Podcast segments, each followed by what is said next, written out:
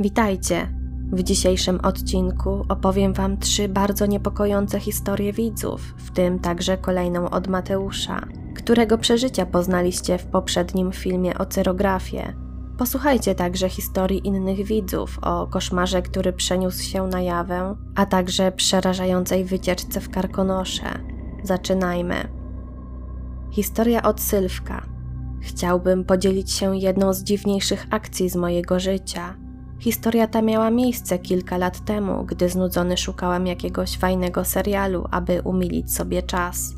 Będąc fanem horrorów, chciałem znaleźć serial w takiej tematyce i biorąc pod uwagę opinie innych osób, mój wybór padł na legendarny Supernatural, nie z tego świata.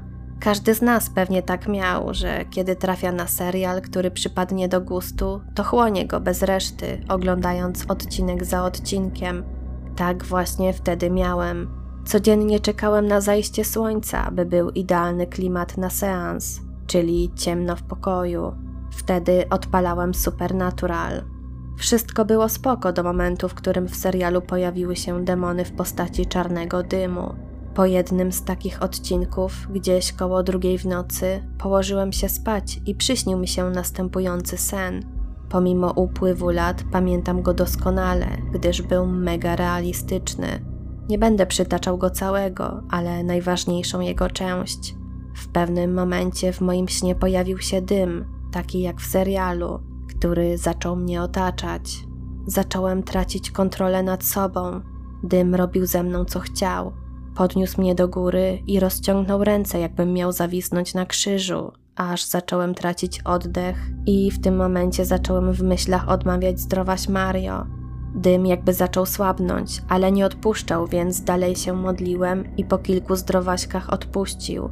Jak tylko dym zniknął, obudziłem się. I teraz bardzo ważna rzecz, o której muszę wspomnieć. Nigdy nie lunatykowałem, ani przed tym zdarzeniem, ani po. Ta sytuacja miała miejsce tylko wtedy, Wspominam o tym, bo po przebudzeniu stałem na środku pokoju, na palcach z rozłożonymi rękami jak na krzyżu. Miałem świadomość, może przez kilka sekund, bo gdy tylko się otrząsnąłem, upadłem z całym impetem na ziemię, jakby moje nogi były sparaliżowane. Straciłem przytomność i tak przeleżałem na podłodze do rana, aż się obudziłem.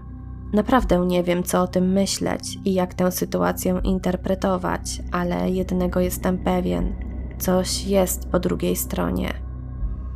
Historia od Mateusza. Ogólnie odkąd żyję, to mam wrażenie, jakbym nie pasował do tego świata, jakbym nie był stąd. Nie umiem tego opisać.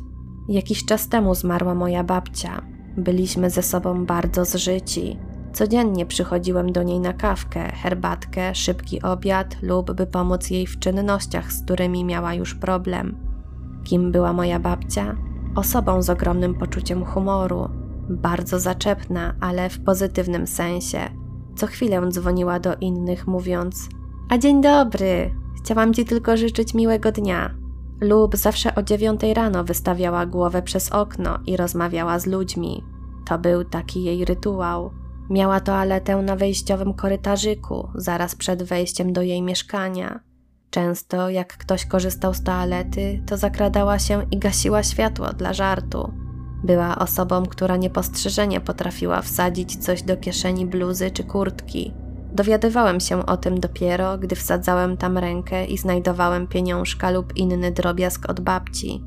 Babcia zmarła na cukrzycę. Odmówiła leczenia, bo jak stwierdziła, nie chciała być już dla nikogo problemem. Moja mama i ciocia przeczuwały, że odejdzie właśnie tego dnia. Były przy niej do końca. Ja wtedy pracowałem i niestety dostałem telefon, na który nie czekałem. Babcia zmarła, właśnie zabierają jej ciało. I wiecie co? Usłyszałem w tle głos mojej babci krzyczący: Mateuszek, Mateuszek, chodź! I mówię do mamy: Mamo, przecież słyszę babcię, nie żartuj ze mnie ale ta powiedziała, że zgon nastąpił już 15 minut temu. Oblał mnie zimny pot. Do tej pory dam sobie uciąć rękę, że usłyszałem babcię. Kilka dni po pogrzebie musiałem ogarnąć mieszkanie babci, miejsce, w którym zmarła. Czułem tam jej obecność. Z porządkami zeszło mi się do późna, więc postanowiłem, że zostanę tam na noc, bo byłem padnięty. I właśnie wtedy zaczął się festiwal zjawisk, przy których schudłem bankowo kilka kilogramów. Przebudziłem się w pół do pierwszej i stwierdziłem, że muszę iść do toalety. Ubrałem łachy i poszedłem. Robię swoje jeb, gaśnie światło. Ze strachu aż mi się zielono przed oczami zrobiło. Uchyliłem ostrożnie drzwi i zapaliłem światło. Bałem się wyjść z kibla. Stoję i myślę, kurmać, co teraz? Znalazłem jaja, które zgubiłem i jak już złapałem za klamkę, to światło znów zgasło.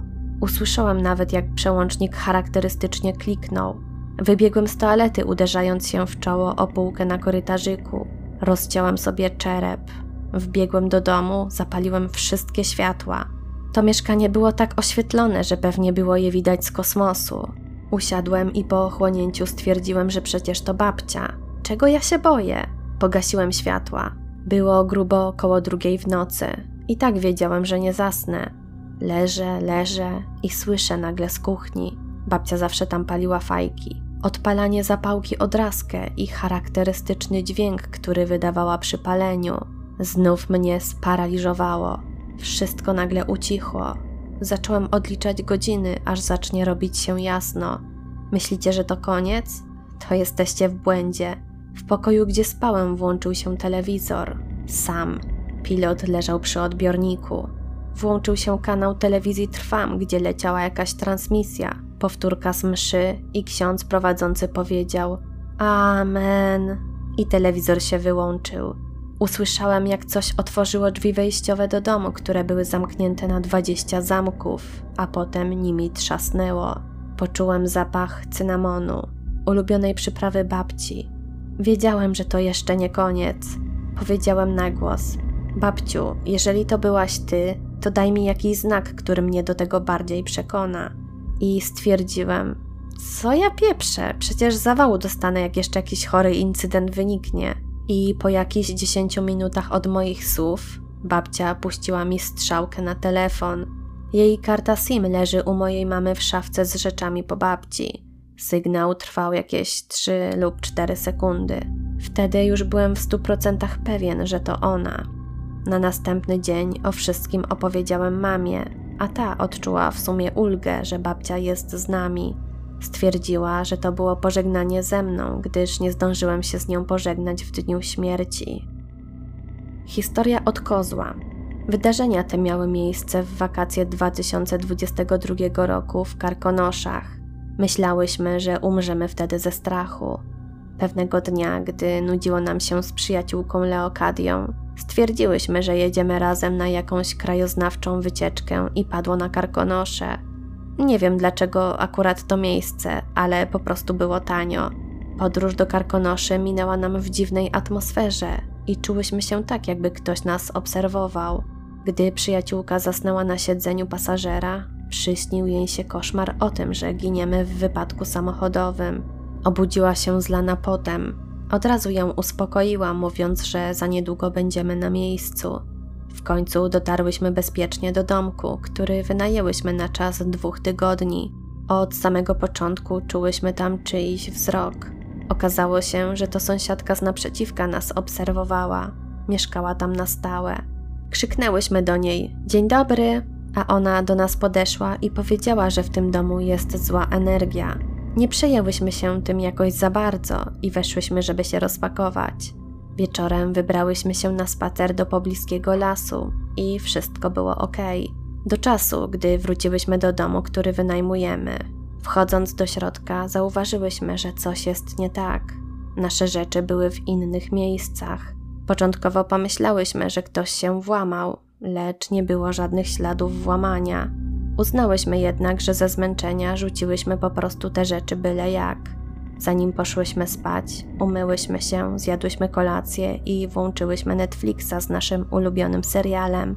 Po skończonym seansie udałyśmy się do kuchni po szklankę wody. Idąc w tamtą stronę, zauważyłyśmy, że ktoś stoi w oknie.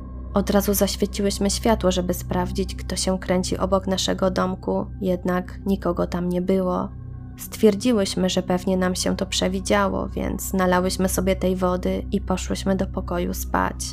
Gdy wstałyśmy rano, wszystko wydawało się normalne, jednak gdy udałyśmy się do kuchni, zastałyśmy rozsypane płatki, które wczoraj jadłyśmy. Zdziwiłyśmy się, gdyż wczoraj wsadzałyśmy płatki do pudełka, do szafki.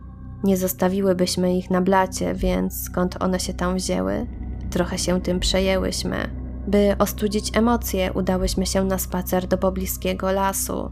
Na spacerze Leokadia zauważyła coś dziwnego, jakby coś się nam przyglądało. Ja tego nie widziałam. Przedstawiła mi tę istotę jako dużą, smukłą postać, całą czarną z niebieskimi ślepiami. Miała się w nią wpatrywać. Gdy powiedziała mi o tej postaci, zaczęłam się bacznie rozglądać, lecz niczego nie dostrzegłam. Gdy wróciłyśmy do domu, nasze rzeczy znowu były poprzestawiane, tak jakby ktoś był w środku pod naszą nieobecność. Postanowiłyśmy pójść do tej sąsiadki, żeby zapytać, czy przypadkiem nie widziała kogoś wchodzącego do naszego domku. Powiedziała, że nikt tam nie wchodził i ponownie dodała, że to jest zły dom ze złą energią. Zaniepokoiło nas to, ale postanowiłyśmy zostać. W nocy drzwi się otworzyły, a pamiętam, że były zamknięte jak zasypiałyśmy, bo sama osobiście je zamykałam. Kolejnej nocy Leokadia usłyszała kroki w domu. Obudziła mnie wtedy i ja także je usłyszałam. Sprawdziłyśmy dom, jednak nikogo obcego nie było.